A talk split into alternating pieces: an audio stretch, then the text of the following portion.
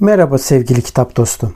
Yayına geçmeden önce bu yayının yapılmasını sağlayan Ankor'a teşekkür etmek istiyorum. Ücretsiz olan Ankor, podcast'inizi doğrudan telefonunuzdan veya bilgisayarınızdan kaydetmenize ve düzenlemenize olanak tanıyan araçları mevcut.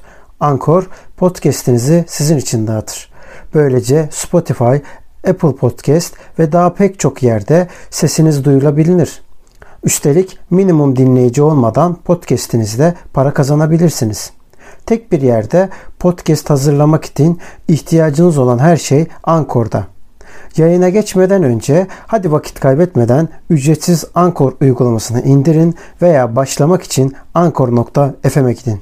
Şimdi podcast'ime geçebiliriz.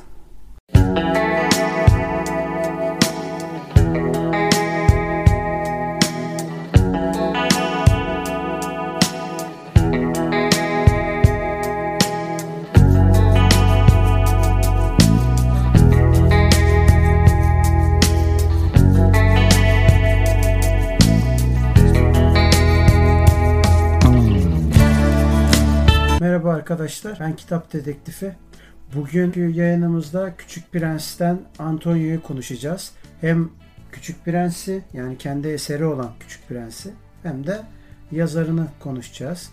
Ama bundan da önemlisi bugün bir konuğum var. Uçan Salyangoz da bizim yayınımızda. Onunla birlikte kitap hakkında ve dediğim gibi yazar hakkında konuşacağız. Evet. Merhabalar ben Uçan Salyangoz. Şimdiden hepimize iyi yayınlar diliyorum. Umarım güzel bir sohbet olur. Evet. Şimdi Cemal Süreyya ve Tömür Suyar'ın can yayınlarından kitapları var. Bu kitaplar iki tane ayrı olarak basıldı. Bir tanesi ciltli, bir tanesi ciltsiz ki ciltlisi çok güzel olan kapak tasarımıyla birlikte. Bunun yanında uzun ömürlü zaten. Ama biz tabii bu teknik kitapla kapakla ilgili değil de daha çok kitabın içeriğiyle ilgili konuşma gereği duyduk. E, Küçük Prenses sadece bir çocuk kitabı değil de bir felsefe kitabı gibi de görmek lazım olduğunu düşünüyoruz. Bunun tabii farklı farklı açıklamaları olabilir. Bir tane anlam çıkartmak mümkün değil. Çünkü insanlık eleştirisi oldu çok açık kitapta. Ama bunları da tabii anlayabilmek için bence bir giriş de olsun diye ben sadece şunu söyleyeyim. Sonra topu uçan salyangoza bırakayım. Küçük Prens'in yazarı Antonio'nun hayatına birazcık bakmak gerektiğini düşünüyorum. Bir kere İkinci Dünya Savaşı'nda bir savaş pilotu kendisi ama savaş pilotluğu yapmak istemeyip sadece uçmak isteyen ve hayalleriyle yaşamak isteyen birisi olmasına rağmen küçüklüğünden beri yapmış olduğu uçaklarla olan daha doğrusu uçaklara ulaşmak için olan mücadelesini Küçük Prens'te görebiliyoruz. Zaten 1900'lerde doğuyor. 1900'leri biliyorsunuzdur. Yani birazcık tarihli aranız iyiyse bir devrimler çağıdır aslında 1900'ler. Ardı ardına dünyanın dört bir yanında devrimler patlıyor ki Türkiye'de dahil bunun içine. Dolayısıyla da bu devirde yazılan bir kitap ve de ölümü de e, maalesef savaş uçağı kullandığı için faşistlerden kaçarken e, yani Almanya'daki Nazilerden kaçarken bir çöle giriyor ve çölde yönünü kaybediyor.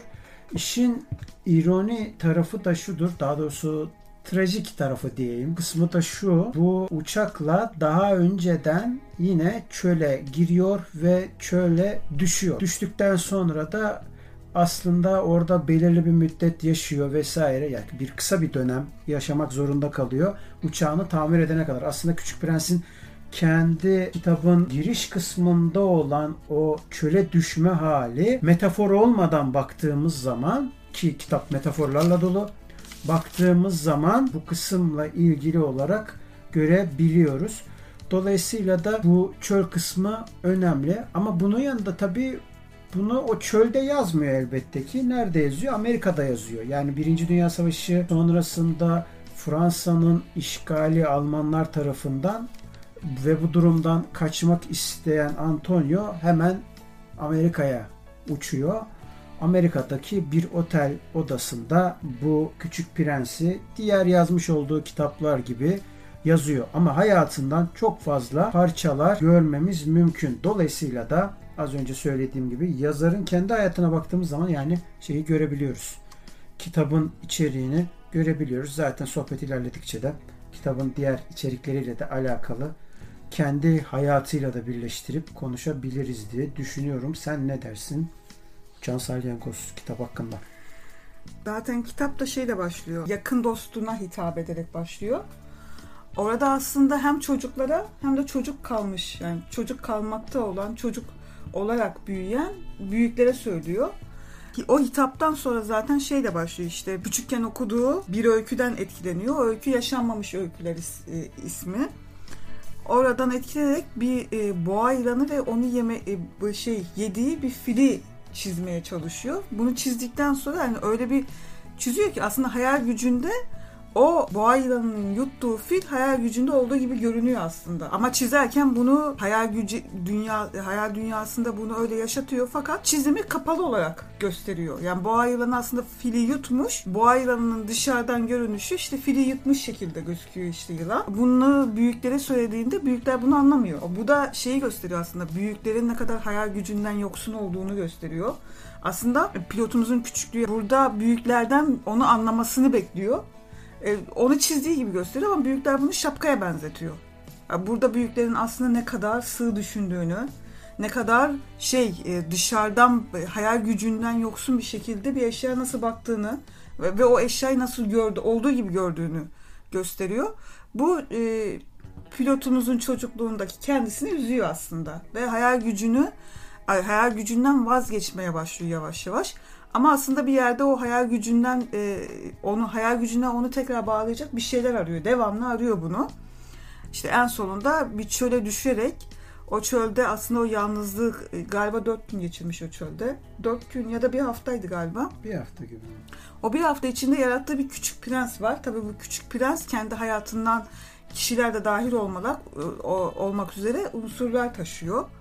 Ee, ve o küçük çölde aslında başlayan bir dostluğun hikayesi. Küçük Prens bir nevi aslında küç, e, pilotu tekrar hayal dünyasına geri götürüyor. Tekrar onu e, yaş, yaşama umuduyla dolduruyor. Bunu da şeyden anlıyoruz. E, yani tabii bu anladığımız bir tane olan şey. Ona koyun çizmesini söylüyor.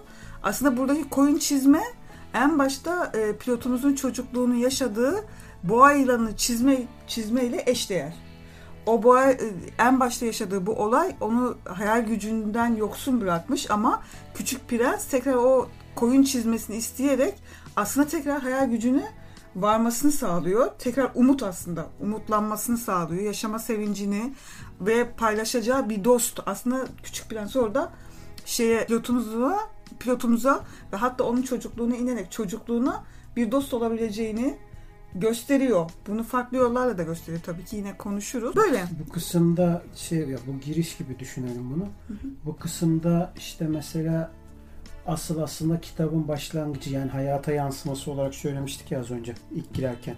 Burada da aynı şey var. Nedir? Mesela kitaptaki karşılığı. Leon Wert. Leon Wert'e ithaf edilmiş bu. Yani 25 yaş kendinden büyük olan bir yazar var. Hatta ideolojik görüşleri de uymuyor birbirlerine. Gerçi Küçük Prens'in çok ideolojisi olduğunu da düşünmüyorum. Yani Antonio'nun da şey olduğunu düşünmüyorum. neden Küçük Prens dedim? Çünkü ben Antonio'nun kendisinin küçük prens olduğunu düşünüyorum. Eşini normalde benzetiyorlar ama bence öyle değil. Bence küçük prensin kendisi Antonio.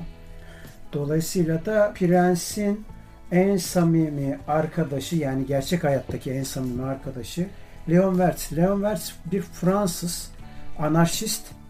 Babası aslında bir Sovyetlerden Bolşevik taraftarı.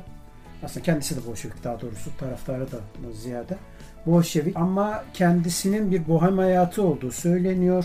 Belki de anarşist diye böyle söylüyorlar. Onu da bilemiyorum ama e, bunun yanında edebiyat sever. Aynı zamanda da bir sanat eleştirmeni. Ve bilinen iki tane savaş karşıtı kitabı bulunuyor. Türkçe'ye de çevrilmiştir bu kitaplar. Savaş karşıtı olunca da tabii parmakla gösterilen ender eserlerden iki tanesi oluyor. Çünkü savaş karşıtısı pek fazla yok. Ha buna rağmen ama savaşmak zorunda kalıyor. Çünkü para yok. Şimdi şöyle bir şey yaşıyor. Hem nalına vuruyor hem mıhına vuruyor yazarken. Neden? Sovyetleri de eleştiriyor. Yerden yere vuruyor. Zaten anarşist olmanın getirdiği rahatlıkla bunu yapıyor. Hem de aynı zamanda Fransız hükümetini ve faşistleri de yerden yere vuruyor. Yani aslında otokrasiye karşı bir insandan bahsediyor. Yani tam kelime tamamıyla Şey- bir anarşist yani. O yüzden de işte tüm bu durumlardan dolayı da aslında kitabın Küçük Prens'in başlangıcı tamamen bir e, anarşiste selamla başlıyor. Neden şimdi anarşist anarşist diyorum? Ya insan anarşist olsa da dostu olamaz mı? Tabii ki olabilir. Ama bu anarşist düşüncelerin yüzünden kitabın İthaf bölümünde yazmış olduğu bu açlık ve sefalet için daha doğrusu Fransa'da oturuyor şimdi. Aç üstelik açıkta avutulmak ister sözü aslında tamamen onu anlatıyor. Neden? Çünkü Stalin döneminde dahil olmak üzere hem Stalin tarafından hem de aynı zamanda Fransız hükümeti tarafından sevilmediği için en sonunda hiç ekmek bulamaz oluyor. Ve sonu ekmek bulamazı tabii şey anlamda iş bulamaz oluyor. O anlamda söylüyorum. İş bulamayınca da dağlara yerleşmek zorunda kalıyor. Orada izdivaya çekilmiş gibi oluyor. Hatta Küçük Prens'in yazarı Antonio vefatı sonrasında daha doğrusu o köle uçağa düştüğü zaman sonrasında bulunamıyor zaten. Sonrasında karşımıza gelen şöyle bir şey çıkıyor. Ee, Antonio size bu kitabı ithaf etmiştir diye geliyorlar Leon'un yanına. Leon o sırada öğreniyor. Çok enteresan bir şey. Yani tabi o ana kadar ithaf ettiğinden haberi yok. Halbuki 6 ay falan geçiyor yani. Kitap basılmış, aradan bir sene geçmiş. Bir de üstüne Antonio ölmüş. Ondan sonra yani hiç bahsetmemiş Evet. ondan. Yani çok ilginç bir hikayesi var.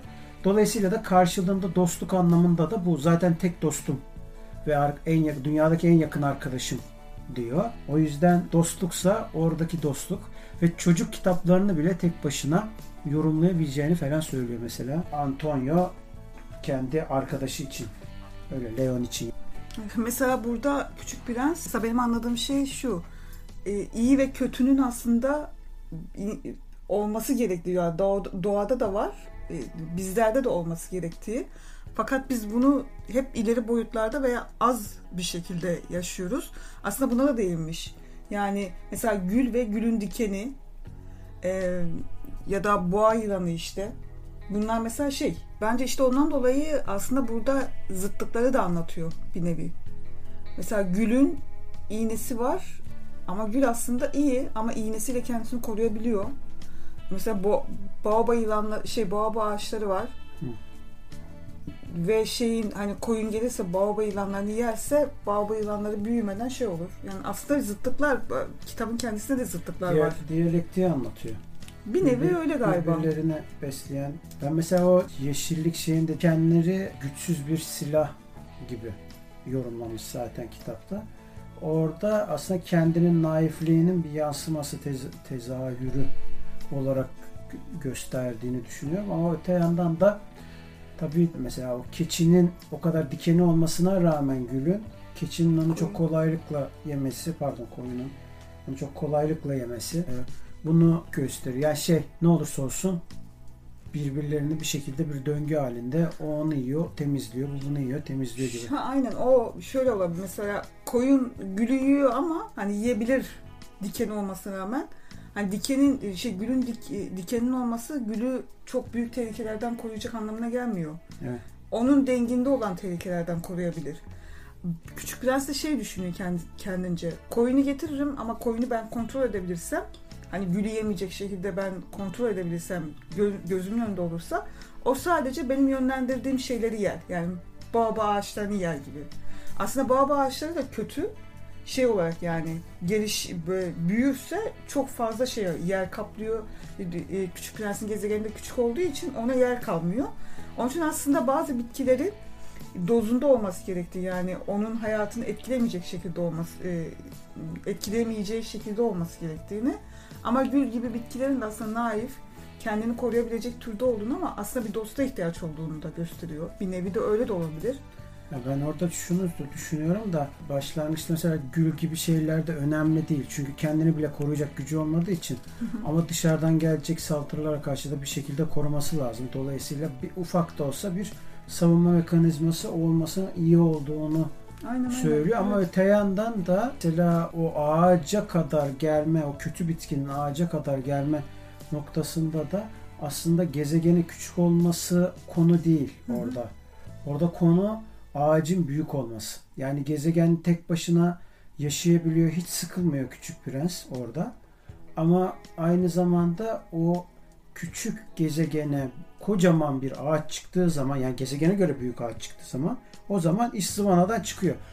Ben de bunu kitabın yazılmış olduğu aslında 2. Dünya Aynen. Savaşı'nda yazılıyor yani evet, bu. evet, ben de onu. Kitabın yazılmış olduğu dönemde işte yazarın Hı hı. yine hayatıyla alakası var aslında. Evet, evet. Daha doğrusu sadece yazan hayatı değil tabii ki kendi yaşadığı toplumsal durumla alakası. var. İkinci Dünya Savaşı'ndaki faşizmin yükselmesiyle yorumlayabilirsin tabii ki. Ama bunu sevgiyle yani bir sınıfsal bir şeyle değil de sevgiyle yenebileceğine dair bir inanç var Antonio'nun içerisinde. Hatta bu durumdan dolayı da o az önceki belirttiğimiz Leon Wert de aslında anarşizmi savunurken bu duruma karşı geliyor. Yani diyor ki sen naif bir insansın ve bir arayış içerisindesin. Ancak bu arayış senin şeklinde maalesef doğru bir sonuca gitmiyor. Ama yine de çok güzel bir şekilde aramaya devam ediyorsun diye kendi aralarındaki mektuplarda zaten anlatıyorlar. Yani ya da sohbetlerinde kendi aralarında söylüyorlar. Dolayısıyla da bu da onun bir yansıması gibi. Yani Küçük Prens'in gezegeni küçük değil. Yani şey büyük. İşte şeyi Tehlike anlatıyoruz. büyük yani. Aynen. Siz, senin dediğin gibi mesela tehlikenin olduğu şeyi de anlatıyor İkinci Dünya Savaşı'nda. Bazı şeyleri görmemezliğe gelmek onun orada büyümediği anlamına gelmiyor o şeyin. Tehlikenin orada olmadığı anlamına gelmiyor aslında. Bir nevi de o savaşı da aslında anlatmış olabilir. sürekli bakmak lazım. Evet. yani. Sürekli kötü tohum varsa diyor bak tohumlardan mesela bahsediyor. Kötü tohum varsa onu diyor daha hani daha büyümeden şey olmadan onu sökmek gerekiyor, temizlemek gerekiyor ki bu e, bizim aslında dünyamızı sardığı an yok edebilir. Ondan dolayı aslında iyi bitkilerin de olduğunu bunlarla iletişim kurup hani şey olarak döngüsel olarak anlatıyorum ben şu anda.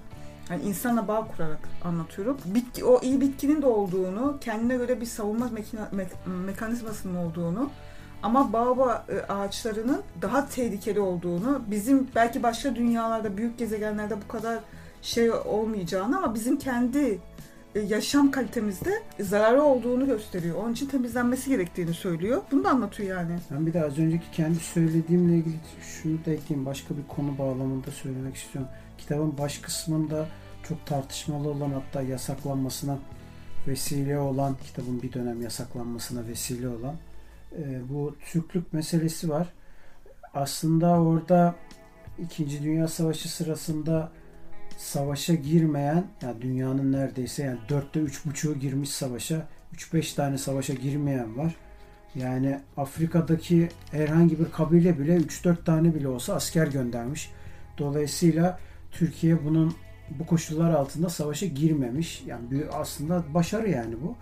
Ve girmediği savaşta çok dikkat çekmiş dolayısıyla ve bunun yanında da aslında Avrupa'daki gibi olmasa da Avrupa bir devrim gerçekleşmiş. Çünkü Avrupa'da ne kadar olsa da feodalite ile cumhuriyet arasında bir şekilde kraliyet vesaire olduğu için bir şekilde bir geçiş dönemi olmuş. Ama Osmanlı bu konuda geç kalmış. Hatta bayağı bir geç kalmış. Bir de Avrupa'da tabii kapitalizm çok hızlı bir şekilde toparlanmış ve bu hızı alamamış sonra emperyalizme dönmüş. Artık yani o kadar hızlı tamamlamış ki sistemi ondan sonra emperyalizme dönmüş. Bunun neticesinde de yaratmış olduğu tabi tırnak içinde kullanıyorum. Aristokrat işçi sınıfı belirli bir şekilde kendi koşulları gibi dünyayı yorumlamaya başlamış. Bu ne demek oluyor? Yani Türkiye'yi gerici gibi görmeye çalışıyorlar. Halbuki orada ciddi bir devrim olmuş. Yani Burjuva devrimi, kitlesiz bir Burjuva devrimi olmuş ama olmuş. Dolayısıyla da kafalarındaki bir hayal dünyası yaratmışlar. O yüzden de verdiği örnekte tamamen Türkleri kullanma şeyi ama iyi niyetle yaptı çok açık yani cümlenin gelişinden belli. Büyükler böyledir işte. Hani insanların kılığına kıyafetine göre Aslında Yaparlar fil, fil olayı da diyor. bu Evet. nevi. aslında iyi niyetle söylüyor bunu Ama hani dediğin gibi yani fil olayında da aynı şekilde. Ama bu farklı şekilde yorumlanıyor. Çünkü orada kullandığı mesela Cemal Süreya, Tommy Suyar tabii orada farklı şekilde yorumlamışlar. Yumuşatmışlar. Göğüslerinde yumuşatmışlar kelimeleri de. Ama orada işte mesela tek adam demişler bazı kayıtlarda. Bazı kay halbuki esasında diktatör diyor mesela. Aslında orada kimden bahsetti belli. Mustafa Kemal'den bahsediyor. Ama emperyalistlerin Mustafa Kemal'e öyle demeleri tabii ki gayet normal. Neden? E çünkü yenilmişler yani. Yenilince ne diyecekler? Halkına da ne anlatacak? Bunu evet. anlatacak. E oradaki hazır bilgiyle bir de internet çağında değiller ki hemen böyle aa oradaki bilgiyi aldım, araştırdım. Öyle bir şey yok. Kaynaklar ona göre oluyor vesaire. O yüzden buradaki mevzu da öyle. Ama dediğim gibi tamamen iyi niyet var bu konuda. Neden var? Az önceki söylediğim gerekçelerle var. Yani insanlar böyledir işte. İnsanları kılık kıyafetlerine göre, birbirlerini evet. kılık kıyafetlerine göre yorumlarlar demek istiyor. O yüzden böylelikle de o kullanılan terimler önemsizleşiyor. Yani. Kitap genel olarak aslında şöyle bir şey de vurguluyor. Yani aslında burada Küçük Prens yani hem çocuklar üzerinden hem de e, dünya çapında bir eleştiri yapmış. İşçileri de eleştirmiş aslında. Kralları da eleştirmiş. Orada fenerci var mesela bir gezegende. Onu eleştirmiş. Muhasebeciyi eleştirmiş. Para devamlı para sayıyor diyor. Aslında diyor ki büyükler rakamlardan başka bir şeyden anlamıyor. Ve çocukları anlatırken şey diyor. Çocuklar kendileriyle muhatap olacak onların denklerinde büyük bulamıyor. Çünkü çocuklar devamlı soru soruyor. Büyükler de soru sorulmasından hoşlanmıyor. E çocuklar da soru cevapla, cevaplamaktan aslında hoşlanmaz. Çünkü so, çocuklar meraklıdır. Hayal gücü zengindir. Ama büyükler tam tersi meraklı değil, rakam odaklıdır. Devamlı rakamlar üzerinden hayal güçleri vardır. Diğer hislerini kaybetmişlerdir bu yönden ve cevap vermekten hoşlanmazlar. Bir de bizim bu koşullarımızda devamlı her şey hızlı olduğu için çocuklar yandı yani. Aslında şimdiki koşuldaki çocuklar da e, zor şartlarda büyüyor bana göre. Ve Küçük Prens'i aslında hem çocuklar üzerinden hem de dünya genelinde olan bu olumsuz şartlarda işte o insanların gösterdiği tepkiler, İkinci Dünya Savaşı, ondan sonra sanayileşmenin etkisi, burada aslında hayvanların, bitkilerin, çocukların, büyüklerin yaptığı bu kadar şeylerden nasıl etkilendiğini, hatta büyük çocukların yani çocuk çocuk e, olarak büyüyen büyüklerin onlardan nasıl etkilendiğini aslında söylüyor. O şekilde büyüyen çocukların nasıl olduğunu gösteriyor aslında bir nevi. Yani kitapta aslında bunu da anlatıyor bir nevi. Bunlar yanında kitabın diğer kısımlarına bakarsak ben mesela işçileri eleştirdiğini düşünmüyorum açıkçası. Çünkü mesela fener var bir tane. O feneri sürekli yakıp söndürme, yakıp söndürme meselesi var yani o lambayı yakıp söndürme, yakıp söndürme Hı-hı. meselesi var ya. Ben bıraksalar sürekli uyurum diyor falan ama orada tembelliği aslında eleştirmiyor. Orada aslında eleştirdiği şey artık bunca zamandır çalıştığı için artık bırakın da bir rahat rahat yatayım diyor. Zaten Küçük Prens de gezdiği gezegenlerde tilkiden sonra belki de en çok sevdiği kişi Fenerci. Fenerci. Çünkü orada da zaten söylüyor. En çok onu sevmişti. Hı. Gezegen küçük olmasa orada kalacaklardı. Evet, evet, doğru. Demek istiyor. Burada zaten eleştir peki orada eleştirdiği ne? Orada düzeni eleştiriyor düzenden kasıt şu aslında bürokrasi eleştiriyor. Kelimenin tam anlamı bürokrasi eleştiriyor. Ama bürokrasi de diyor buna... ki her şey diyor işliyor, her şey diyor değişiyor ama kurallar değişmemiş. Halen diyor yapacaksın. Ya koşullara göre uyum sağlama yok diyor. Bu ne demek? Aslında bürokrasiden bahsediyor. Bürokrasi diyor ki yani devletin hantallığından bahsediyor burada da. Ne olursa olsun diyor. Koşullar ne olursa olsun kendini devletin güncellemesi gerekirken sürekli olarak yeniliklere açık olması gerekirken bunun yerine yapmıyor. Bunu zulmünü de diyor buradaki işçi çekiyor diyor orada. O yüzden o kısma bir şerh koyayım dedim. Mesela dünyaya geliş kısmıyla da ilgili bir şey söylenebilir. Dünya büyük diye aslında bir sene kadar kalıyor orada. Çünkü niye? Her seferinde gezegene dönmesi gerekiyor. Ha bir de bence en önemlisi kitabın bence en altın vuruşu hepsinin dünyadaki tüm canlıların hep kendini özel hissetmesi. Halbuki diyor ki hiçbirimiz özel değiliz. Birbirimizin aynısıyız. O yüzden diyor birbirimizi çekememezlik yapmayalım. Ama diyor çok diyor özellik istiyorsak, çok özel olmak istiyorsak sevdiğimiz bir kişi bulalım, bir canlı bulalım, bir aidiyet bulalım birisine ve onun zaten özel olduğunu göreceğiz diyor. Yani aslında orada bir ikircikli bir şeyden bahsediyor ve çok ince bir şeyden bahsediyor. Bunu da çok ustalıkla anlatmış. Bence ve kitabın bence asıl altın vuruşu bu son kısım. Yani mesela şeyden de bahsediyor. Hızlı tüketim ve trenden mesela bahsetmesi. Dönemde zaten tren neylerde kullanılıyor?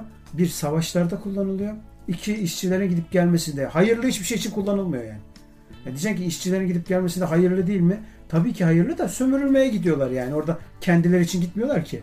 Dolayısıyla herkes bir koşturma halinde. Mesela orada da söylediği niye bu kadar koşuyoruz? Bir sakin olalım.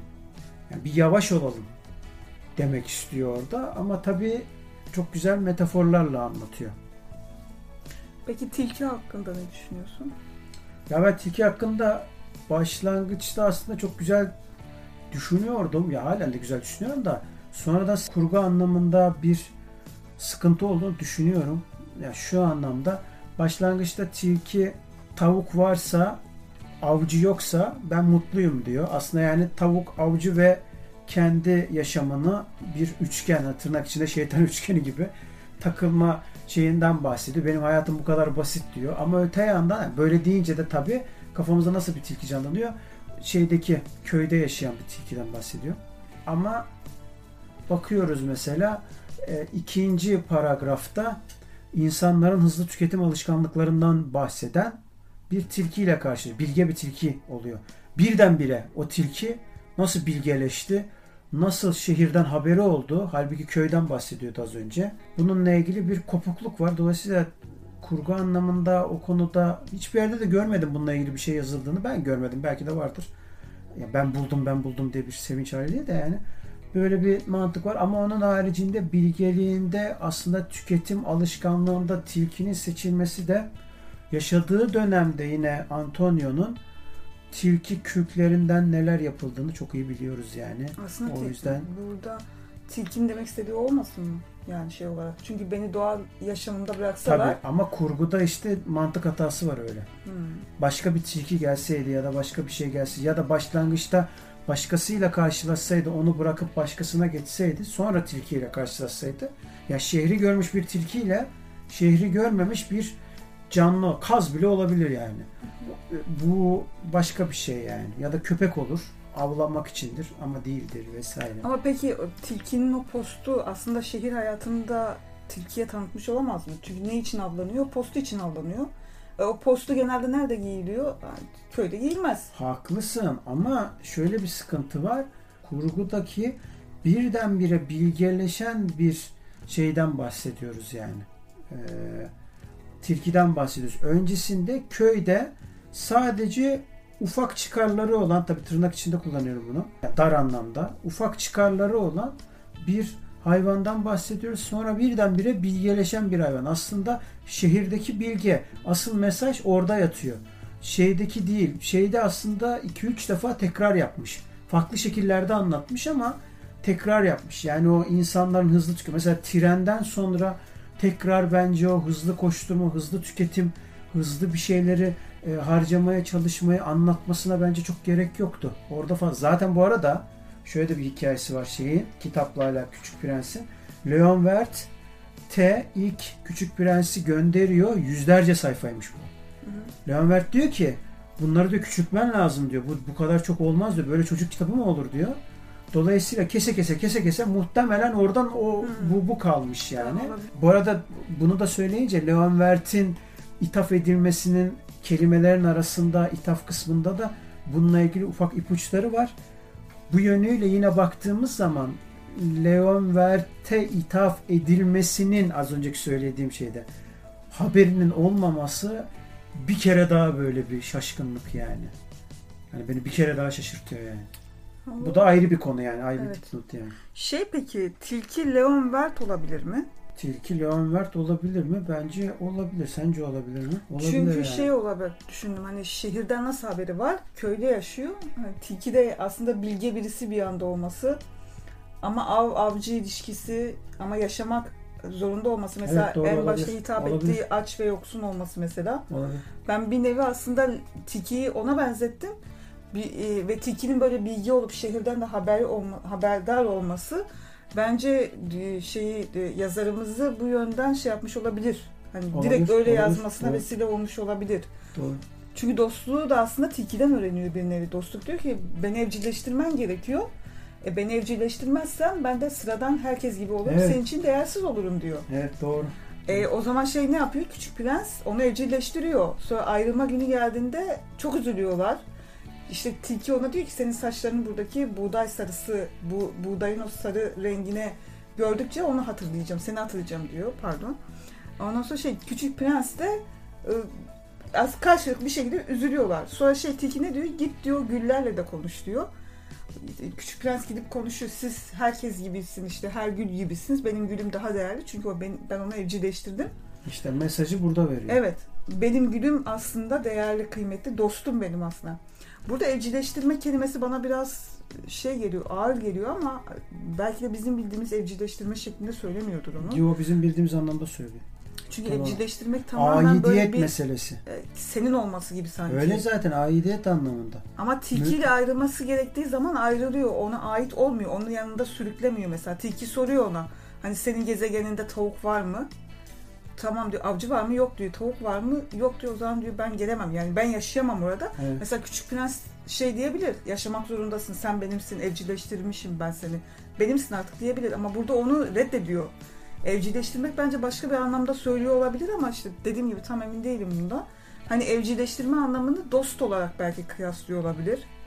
Zaten aidiyet derken o anlamda Hı hı. aidiyeti kullanıyor. Dost anlamında kullanıyor.